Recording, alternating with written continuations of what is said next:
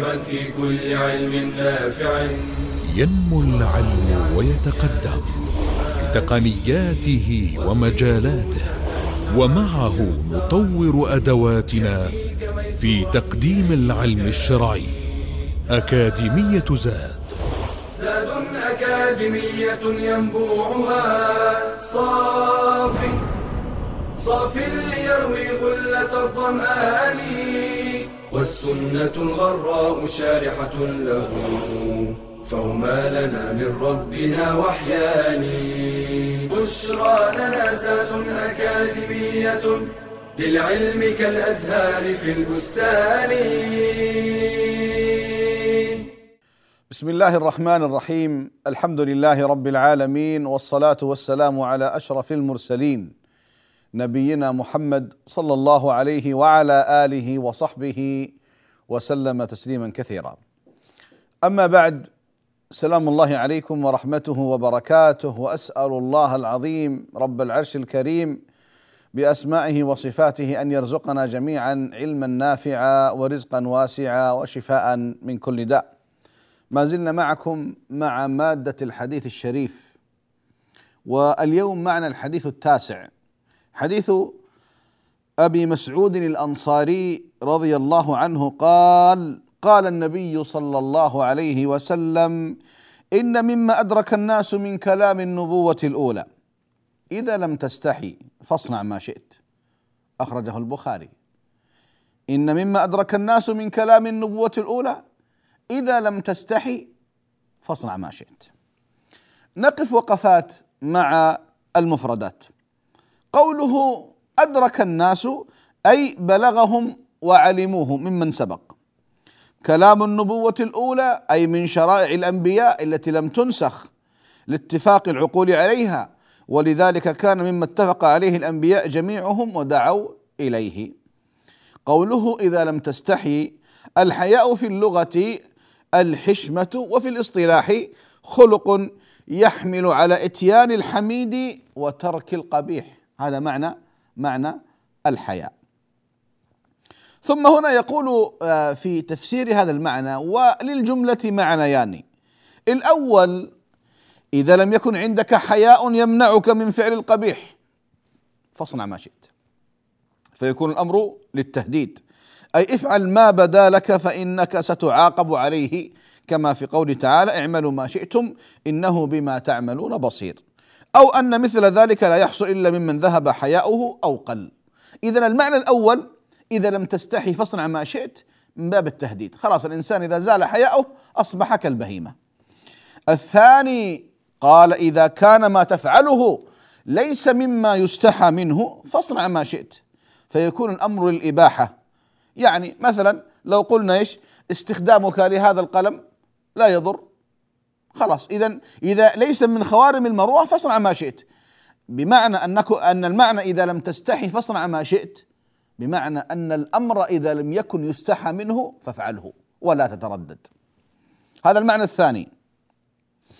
أيها الأحبة حقيقة هذا الحديث أعجوبة وفيه من الفوائد الشيء الكثير. يتكلم هذا الحديث عن خلق الحياء. هذا الخلق خلق كما قال ابن القيم وغيره يبعث على فعل الجميل وترك القبيح. الإنسان إذا فقد حياءه والعياذ بالله أصبح يفعل ما شاء ويأكل ما شاء ويفعل ما شاء ويعاقر ما شاء ومن شاء وما عنده ضابط لا في خلوته ولا في جلوته ولا في ليله ولا في نهاره. ولا في سره ولا في جهاره خلاص فقد الحياء. سنأخذ إحنا الحديث في المعنى الأول أن الإنسان إذا فقد الحياء إذا لم تستحي فاصنع ما شئت. إذا لم تستحي فاصنع ما شئت. لذلك أيها الأحبة إذا وجد الحياء في الفرد أو في الأسرة أو في المجتمع تعدلت الأمور واستقامت الأخلاق واستقام السلوك واهتدت العقول وانضبطت الأوامر لكن المشكلة إذا فقد الحياء. يعني بعض الناس قد الدين لا يردعه لكن الحياء من الناس يردعه. هذا أيضا جيد. يعني أخف الضررين كما يقولون. لكن هنا هذا الحديث يبين لنا أهمية الأخلاق عامة وهذا الخلق خاصة.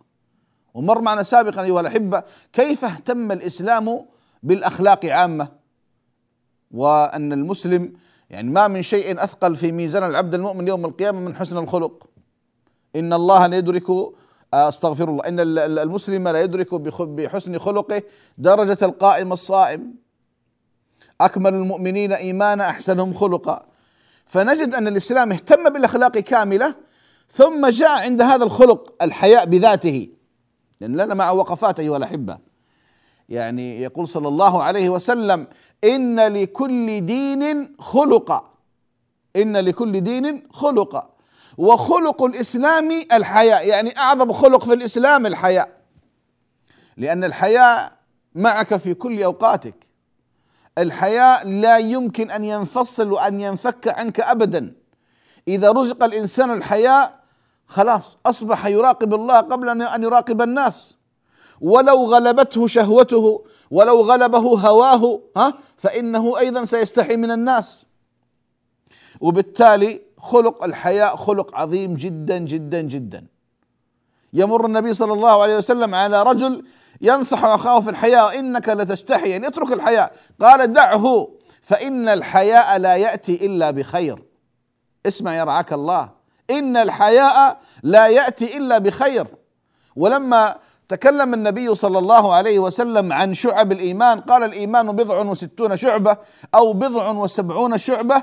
أعلاه أو أعلاها لا إله إلا الله. وأدناها إماطة الأذى عن الطريق. ثم قال والحياء شعبة من الإيمان. طب لماذا سؤال؟ لماذا ذكر الحياء بذاته؟ لم يذكر مثل اليقين لم يذكر الافتقار لم يذكر التقوى لم يذكر الرجاء والخوف والمحبة. لا قال والحياء شعبة من الإيمان. إنما هو هذا للتركيز عليه لإظهار أهميته في آه، حياة المسلم وفي شعب إيمانه وفي سلوكه وأخلاقه. والحياء شعبة من الإيمان. الحياء شعبة من الإيمان. إذا الحياء يقودك إلى الإيمان. يقودك إلى خشية الله يقودك إلى مراقبة الله يقودك إلى استحضار عظمة الله عز وجل ومعية الله لك. أنت حينما تسول لك نفسك معصية أو ذنب أو تقصير تعلم أن الله معك. أن الله ينظر إليك. أن الله يسمع كلامك. أن الله يعلم حالك. أن الله مطلع على سرائرك وظاهرك وباطنك. حينئذ ستشعر بالخجل. ستشعر بالخجل لا محالة. ولذلك اصطلح العلماء على أن أعمال القلوب أعظم من أعمال الجوارح. أعمال القلوب أعظم من أعمال الجوارح. والحياء من الله سبحانه وتعالى من أعمال القلوب. لذلك أقول أيها الأحبة الله سبحانه وتعالى يستحق منا أخلاق كثيرة كثيرة جدا منها المحبة الخوف الرجاء المراقبة مثلا آه الانكسار الافتقار لله سبحانه وتعالى تعظيم الله استشعار عظمة الله لكن لما يأتيك الحياء الحياء يسحب الأخلاق كلها خلفه. الحياء من الله ثق تماما. إذا تحقق الحياء في قلبي وقلبك كل أعمال القلوب الأخرى جاءت تسعى خلف الحياء. لأنه يسحبها ويجذبها. إذا رزقك الله الحياء منه هنيئا لك. وهنيئا لك يا أمة الله. نعم الحياء يجذب كل الأخلاق. فإذا أصبح الإنسان يستحي من الله خلاص أصبح يحبه يخاف منه يرجوه يراقبه يدعوه يرجوه آه، ينكسر له يفتقر إليه يستغيث به. لماذا؟ لأنه رزق الحياء من الله سبحانه وتعالى. رزق الحياء من الله. اذا هنا قول النبي صلى الله عليه وسلم إن لكل دين خلقا وخلق الإسلام الحياء. سواء مع الله أو مع الناس أو حتى مع نفسك أنت. فاصل ثم نعود إليكم بإذن الله تعالى وصلى الله على محمد. بشرى أكاديمية للعلم كالأزهار في البستان.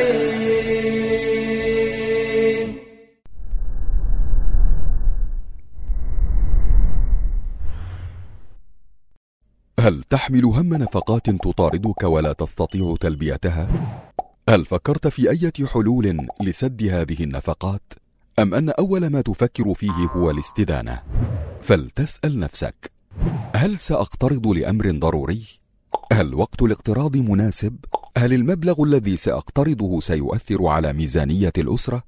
كيف سيسدد الدين وكم سيستغرق من الوقت؟ واعلم أن الدين وإن كان جائزا إلا أن أمره خطير.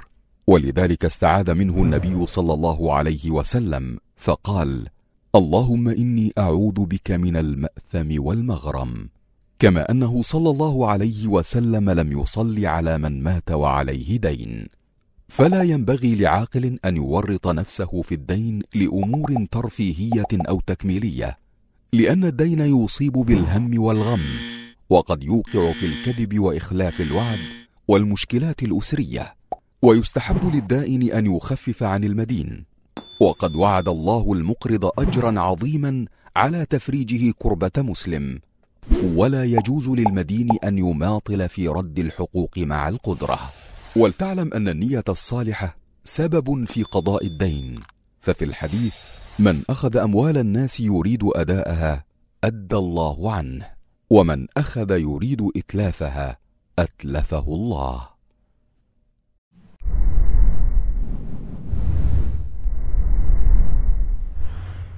بشرى لنا زاد أكاديمية للعلم كالأزهار في البستان. بسم الله الرحمن الرحيم. الحمد لله والصلاة والسلام على رسول الله وعلى آله وصحبه ومن والاه. عدنا إليكم مرة أخرى أيها الأحبة. وما زلنا مع هذا الخلق العظيم خلق الحياء أقول أيها الأحبة بالمناسبة الله سبحانه وتعالى من صفاته الحياء يقول صلى الله عليه وسلم إن الله حيي كريم. يستحي من عبده إذا رفع إليه يديه أن يردهما صفرا. الله عز وجل الغني العظيم الملك الجبار القادر القدير المقتدر ملك الملوك سبحانه ومع ذلك يستحي منك ويستحي منك ويستحي منا. الله وهو الغني. نعم يستحي. حياء يليق به سبحانه وتعالى لا كحيائي وكحياءك.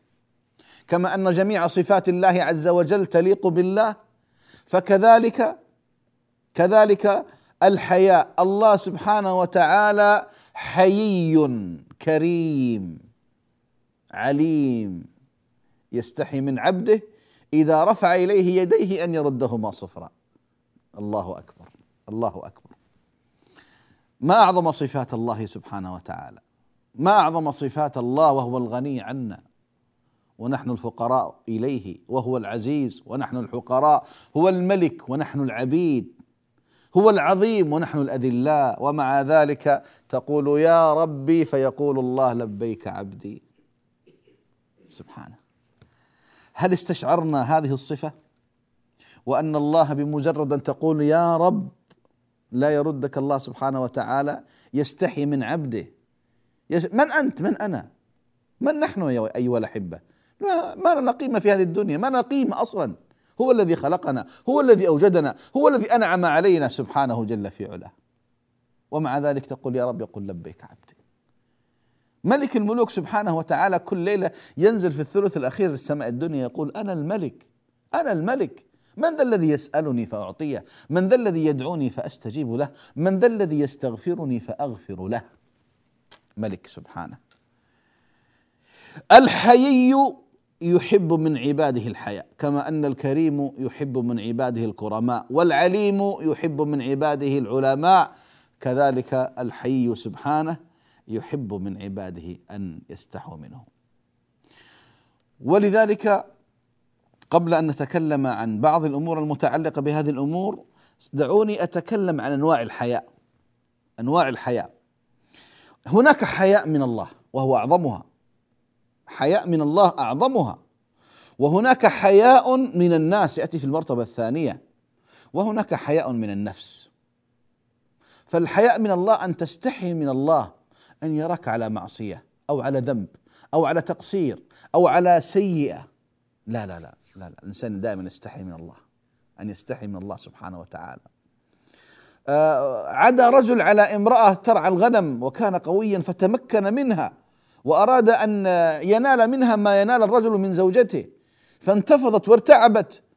وقال لها ما لك؟ ما لك؟ والله ما يرانا إلا هذه الكواكب. فقالت أين مكوكبها أين الله؟ فانتفض الرجل وقام وتركها. نعم هذا الذي نريده أن نستحي من الله سبحانه وتعالى. هذا الحياء الأول وهو معك أينما كنت أن تستحي من الله أن يراك على معصية. جاء رجل إلى الامام إبراهيم بن أدهم رحمه الله وقال يا إمام إن لي نفس كلما تابت عادت وأبت إلا أن ترتكب الذنوب والمعاصي. حاولت أن أتوب حاولت أن أتراجع ما ما استطعت. هل أجد عندك علاج؟ قال نعم خمسة أمور. إذا فعلتها اعص الله كيفما شئت. قال عجل بها عجل بها. قال أول واحدة. إذا أردت أن تعصي الله سبحانه وتعالى فاعص الله في مكان لا يراك فيه. فنظر الرجل إليه قال وأين أذهب؟ كل مكان يراني الله فيه. قال أما تستحي من الله. تعصي الله وهو يراك. الرجل انتفض. قال عجل بالثانية. قال إذا أردت أن تعصي الله سبحانه وتعالى فاعص الله في غير ملكه. غير ملكه قال أين؟ كل شيء هو ملك لله. الأرض والبيت والطريق والسوق كلها لله. قال ما تستحي من الله؟ الله سبحانه وتعالى أنت تعيش في ملكه وتعصيه؟ ما تستحي من الله. قال الثالثة. قال الثالثة إذا أردت أن تعصي الله سبحانه وتعالى فانزع نفسك من نعم الله. قال كيف ذلك؟ حياتي. وروحي وسمعي وبصري وكل قواي من نعم الله. قال أما تستحي من الله؟ ينعم عليك كل هذه النعم وتعصيه قال هات الرابعة. قال وما فعلت في الثلاث الأول؟ قال عجل بها. قال الرابعة إذا جاءك ملك الموت يريد أن يقبض روحك فدعه ينتظر حتى تتوب. قال هذه ما أستطيع. فإذا جاء أجلهم لا يستأخرون ساعة ولا يستقدمون. قال الخامسة يا إمام قال إذا ساقتك ملائكة العذاب إلى النار فلا تذهب معهم. لا تذهب معهم. قال هذه أعظم وأعظم قال اذا اتق الله وتب قال تبت إلى الله ورجعت إليه. أقول أيها الأحبة هذه أمور لو كل إنسان استشعرها وبدأ يفكر فيها والإمام يقول له فعلا أنت الآن تعيش في ملكه وهو ينظر إليك ويعلم حالك. وأنت في نعم الله عز وجل وأنت لا يمكن أن تبعد الموت عنك إذا جاء ولا تعلم متى يأتي. وإذا ساقتك الملائكة العذاب إلى النار لا يمكن أن تخالفهم. هذه كلها ما تعطيك أمور توقظك من هذه الغفلة. لذلك كان بعض السلف يقول يقول وهو يحاسب نفسه الله ينظر إلي الله يعلم مكاني الله يسمع كلامي. هذه الأمور تجعل الإنسان يا إخوان إيش؟ يستشعر يستشعر أن الله معه. المعية لله سبحانه وتعالى المعية العامة والمعية الخاصة. المعية العامة لكل الخلق والمعية الخاصة لعباده المؤمنين. ولذلك مما يعيننا على الحياء من الله سبحانه وتعالى يا أحبابي أمور. منها استشعار صفات الله سبحانه وتعالى وأسمائه. بمعنى أن تعلم أن الله هو السميع البصير. فالله يسمع كلامك ويبصر مكانك. الأمر الثاني أن توقن بعلم الله سبحانه وتعالى بحالك. الله يعلم كل شيء. يعلم خائنة الأعين وما تخفي الصدور. يعلم كلامك يعلم فعلك يعلم حتى ما يدور في نفسك وفي فؤادك. الله عز وجل بصير بعباده خبير بهم خبير بهم وبأحوالهم. الله سبحانه وتعالى مطلع عليهم. الله عز وجل ظاهر على كل شيء لا يخفى عليه شيء. ظاهر ظاهر بعلمه ظاهر بقوته ظاهر بسلطانه ظاهر بنعمه. سبحانه جل في علاه. كذلك الله باطن لا يخفى عليه شيء. مهما حاولت أن تخفيه يعلم كل شيء. ولذلك كان من دعاء النبي صلى الله عليه وسلم اللهم أنت الأول فليس شيء قبلك وأنت الآخر فلا شيء بعدك وأنت الظاهر فلا شيء فوقك وأنت الباطن فلا شيء دونك. لا شيء دون الله عز وجل لا شيء يخفى على الله سبحانه وتعالى.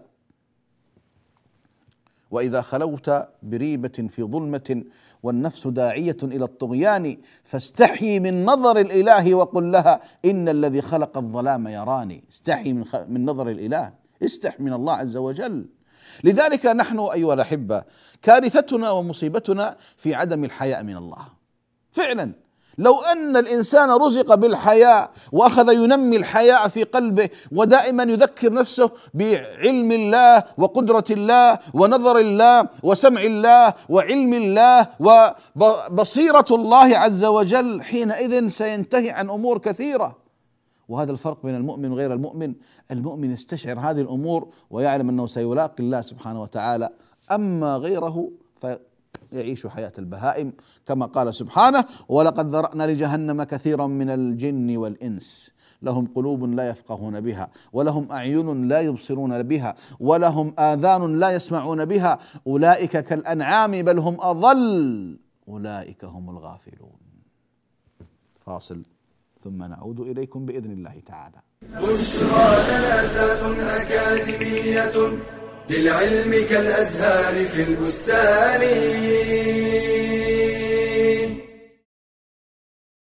روي أن مسروقا ادان دينا ثقيلا وكان على أخيه خيثمة دين فذهب مسروق فقضى دين خيثمة وهو لا يعلم. وذهب خيثمة فقضى دين مسروق وهو لا يعلم.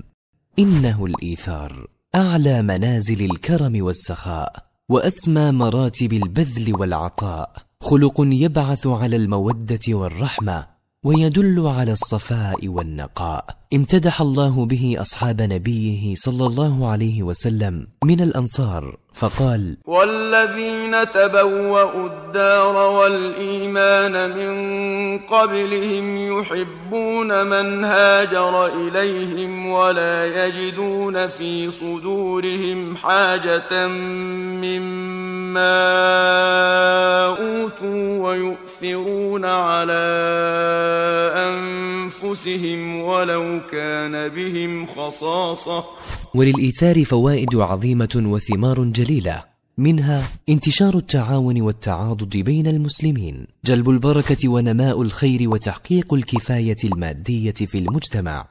كمال الإيمان وحسن الإسلام الوصول إلى محبة الله ورضوانه حصول الألفة والمحبة بين الناس البعد عن صفات الشح والأثرة من علامات الرحمة التي توجب لصاحبها الجنة ويعتق بها من النار. فهنيئا لمن تزين بهذا الخلق الكريم وأصبح ممن قال الله فيهم ومن يوق شح نفسه فاولئك هم المفلحون بشرى لنا اكاديميه للعلم كالازهار في البستان بسم الله الرحمن الرحيم الحمد لله والصلاه والسلام على رسول الله وعلى اله وصحبه ومن والاه اما بعد سلام الله عليكم ورحمته وبركاته ما زلنا معكم ايها الاحبه في هذا الحديث العظيم حديث النبي صلى الله عليه وسلم ان مما ادرك الناس من كلام النبوه الاولى اذا لم تستحي فاصنع ما شئت النبي صلى الله عليه وسلم يوم من الأيام يقول للصحابة استحوا من الله. قالوا يا رسول الله إنا نستحي من الله. قال صلى الله عليه وسلم من استحيا من الله حق الحياء. من استحيا من الله حق الحياء. فليحفظ الرأس وما وعى وليحفظ البطن وما حوى وليذكر الموت والبلى ومن أراد الآخرة ترك زينة الحياة الدنيا. فمن فعل ذلك فقد استحيا من الله حق الحياة. اذا الحياء مطلب وهذا الحياء له أثر أثر على ظاهرك وعلى باطنك. قال صلى الله عليه وسلم كما سمعنا من استحيا من الله حق الحياء فليحفظ الرأس وما وعى. تحفظ لسانك. مما يغضب الله سبحانه وتعالى. وتستعمله في طاعة الله سبحانه جل في علاه. لا يخرج منه إلا حلال. ولا تتكلم به إلا في مرضاة الله. لا تلعن لا تغتاب لا تنم لا تسب لا تشتم لا لا لا. كل ما يغضب الله تبتعد عنه. هذا اللسان إما أن تتكلم به خيرا أو يصمت. اذا فليحفظ الرأس وما وعى. اذا اللسان والنبي صلى الله عليه وسلم يقول من يضمن لي ما بين لحييه وما بين فخذيه أضمن له الجنة. أضمن له الجنة. ولذلك اللسان صغير الجرم كبير الجرم. طيب. البصر هذا البصر نعمة من نعم الله. ولذلك يجب عليك يجب عليك وجوبا وعليك وجوبا ألا تنظروا إلا فيما أحل الله. أن تستخدم هذه النعمة فيما يعينك. إما كسب دنيوي مباح أو عمل دنيوي مباح أو تفكر في هذا الخلق وفي هذه المخلوقات. إن في خلق السماوات والأرض واختلاف الليل والنهار لآيات لأولي الألباب. الذين يذكرون الله قياما وقعودا وعلى جنوبهم ويتفكرون في خلق السماوات والأرض. ربنا ما خلقت هذا باطلا سبحانك فقنا عذاب النار. آه البصر نعمة البصر نعمة عظيمة عظيمة عظيمة لا تقدر بثمن. ولذلك يجب علينا وجوبا أن نستخدمها فيما يرضي الله سبحانه وتعالى وألا ننظر فيما حرم الله. خاصة خاصة في هذه الأزمنة كثرة الفتن. وكثر التبرج وكثر السفور وكثر يعني قلة الحياء من كثير من الخلق مع الأسف. فأصبحت يعني النظر إلى النساء والنظر إلى المردان والنظر إلى الأجانب غير المحارم سهل. لذلك الإنسان ينبغي أن يتقي الله سبحانه وتعالى. لا ينظر إلا فيما يرضي الله سبحانه وتعالى. وهذا النظر كارثة. إذا لم يستخدم في طاعة الله سبحانه وتعالى. وإذا سلب منك فصبرت هنيئا لك الجنة. الله سبحانه وتعالى إذا ابتلى الرجل بفقد حبيبتيه فصبر فله الجنة. اذا البصر. كذلك في الرأس السمع. هذا السمع نعمة من نعم الله. لا تتجسس. لا تسمع كلام قوم وهم له كارهون آه لك كارهون. لا تسمع الموسيقى ولا الغناء ولا ما حرم الله وما اسهلها هذه الأيام مع الأسف. ما أسهلها. اذا هذه الأذن نعمة نعمة عظيمة. فالإنسان يحذر. لا تتلصص ولا تتجسس على الناس. قال صلى الله عليه وسلم من استمع لحديث قوم وهم له كارهون فكأنما صب في أذنيه الآنك أي الرصاص المذاب.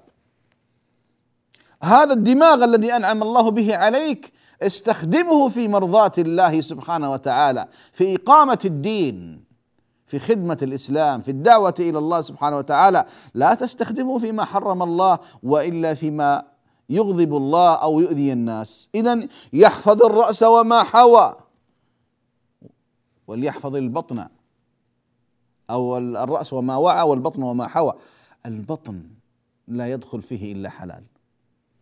أكلا شربا طعاما مالا لا يدخل في جوفك إلا إلا حلال. ولذلك لما جيء لأبي بكر رضي الله عنه وأرضاه غلام له جاءه بتمر وكان أبو بكر جائع فأكل تمرة. فالغلام يقول لي ما لم تسألني من أين هذا الطعام؟ قال من أين؟ قال كنت قد تكهنت في الجاهلية وأنا لا أحسن الكهانة. يعني مال محرم. فأراد أن يخرجها من حاول أن يخرجها ما استطاع. أدخل إصبعه في فمه ما استطاع. فأخذ يشرب ويشرب ويشرب الماء حتى أخرجها كاد أن يهلك نفسه. الصحابة قالوا يا خليفة رسول الله كدت أن تهلك نفسك. قال والله لو لم تخرج إلا بخروج نفسي لأخرجتها سمعت خليلي صلى الله عليه وسلم يقول كل جسد نبت من سحت فالنار أولى به. سمعتم؟ كل جسد نبت من سحت فالنار أولى به. الإنسان يتقي الله عز وجل في أكله وشربه ومطعمه ومشربه. والنبي ذكر الرجل الذي يطيل السفر يمد يديه إلى السماء أشعث أغبر.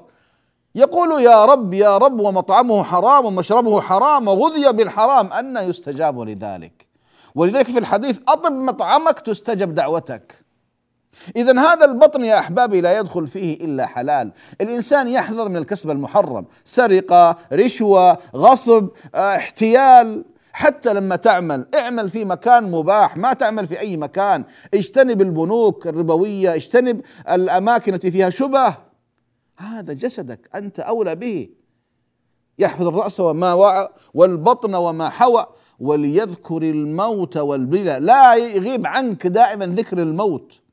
لأن الإنسان إذا نسي الموت يا أحبابي ركن إلى الدنيا النبي صلى الله عليه وسلم يقول كنت قد نهيتكم عن زيارة القبور ألا فزوروها فإنها تذكركم الآخرة. أكثروا من ذكر هادم اللذات ومفرق الجماعات. إذا ذكر الموت مطلب. مطلب يا أحبابي. الموت نذكر لأن حتى الإنسان لا ينسى. ستموت. والله ستموت. والله سنموت جميعنا. الموت لا والدا يبقي ولا ولدا هذا الطريق إلى الا ترى احدا كان النبي صلى الله عليه وسلم ولم يخلد لأمته لو خلد الله خلقا قبله خلد. والله ما يخلد أحد. كل نفس ذائقة الموت. كل من عليها فان. وليذكر الموت والبلى ستبلى. هذا الجسم النظر هذا الجمال هذا الشكل الجميل سيموت وينتفخ ويتعفن وتأكله الديدان ويبقى هيكل عظمي تحت الأرض. شئت أم أبيت؟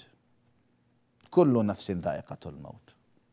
ثم قال صلى الله عليه وسلم ومن أراد الآخرة ترك زينة الحياة الدنيا. من أراد جنة عرضها السماوات والأرض يترفع عن الدنيا وسفاسفها. لموضع صوت أحدكم في الجنة خير من الدنيا وما عليها. أقل رجل في الجنة من ينظر في ملكه ألف سنة. ألف سنة يا أحبابي. ألف سنة أقل واحد في الجنة. يقول صلى الله عليه وسلم أقل أهل الجنة من يملك عشرة أضعاف الدنيا. منذ أن خلقها الله إلى قيام الساعة. من أراد الآخرة؟ جوار الرحمن. جوار الأنبياء الأماكن العظيمة. ترك زينة الحياة الدنيا. ترفع عن هذه الدنيا الغرورة. التي يقول عنها صلى الله عليه وسلم لو كانت تعدل عند الله جناح بعوضه ما سقى منها كافرا شربة ماء. هذه الدنيا. يقول صلى الله عليه وسلم الدنيا ملعونة ملعون ما فيها إلا ذكر الله وما والاه أو عالما أو متعلما. أقول أيها الأحبة الحياة مطلب مطلب مطلب عظيم جدا يعينك على فعل الجميل وترك القبيح. ولذلك لا يتجرأ الواحد منا على معصية إلا إذا ترك الحياء وإلا مستحيل أن يرزق الإنسان الحياء ويتجرأ على المعصية. وقد جاء في بعض الأحاديث استحي من الله كما تستحي من الرجل الشريف في قومك. فإذا كان نحن نستحي من من الناس أن يرونا على معصية أو على تقصير أما نستحي من الله أن يرانا على تقصير؟ وهو العظيم القوي سبحانه. نكتفي بهذا ونسأل الله سبحانه وتعالى أن يرزقنا خشيته في الغيب والشهادة وأن يرزقنا الحياء منه في السر والعلن وأن يغفر الذنب ويستر العيب ويتجاوز عن الخطيئة. وصلى الله على محمد وعلى آله وصحبه وسلم والحمد لله رب العالمين. يا راغبا في كل علم نافع متطلعا لزيادة الإيمان. وتريد سهلا النوال ميسرا يأتيك ميسورا بأي مكان. زاد زاد أكاديمية ينبوعها. صاف صاف ليروي غلة الظمآن. والسنة الغراء شارحة له فهما لنا من ربنا وحيان.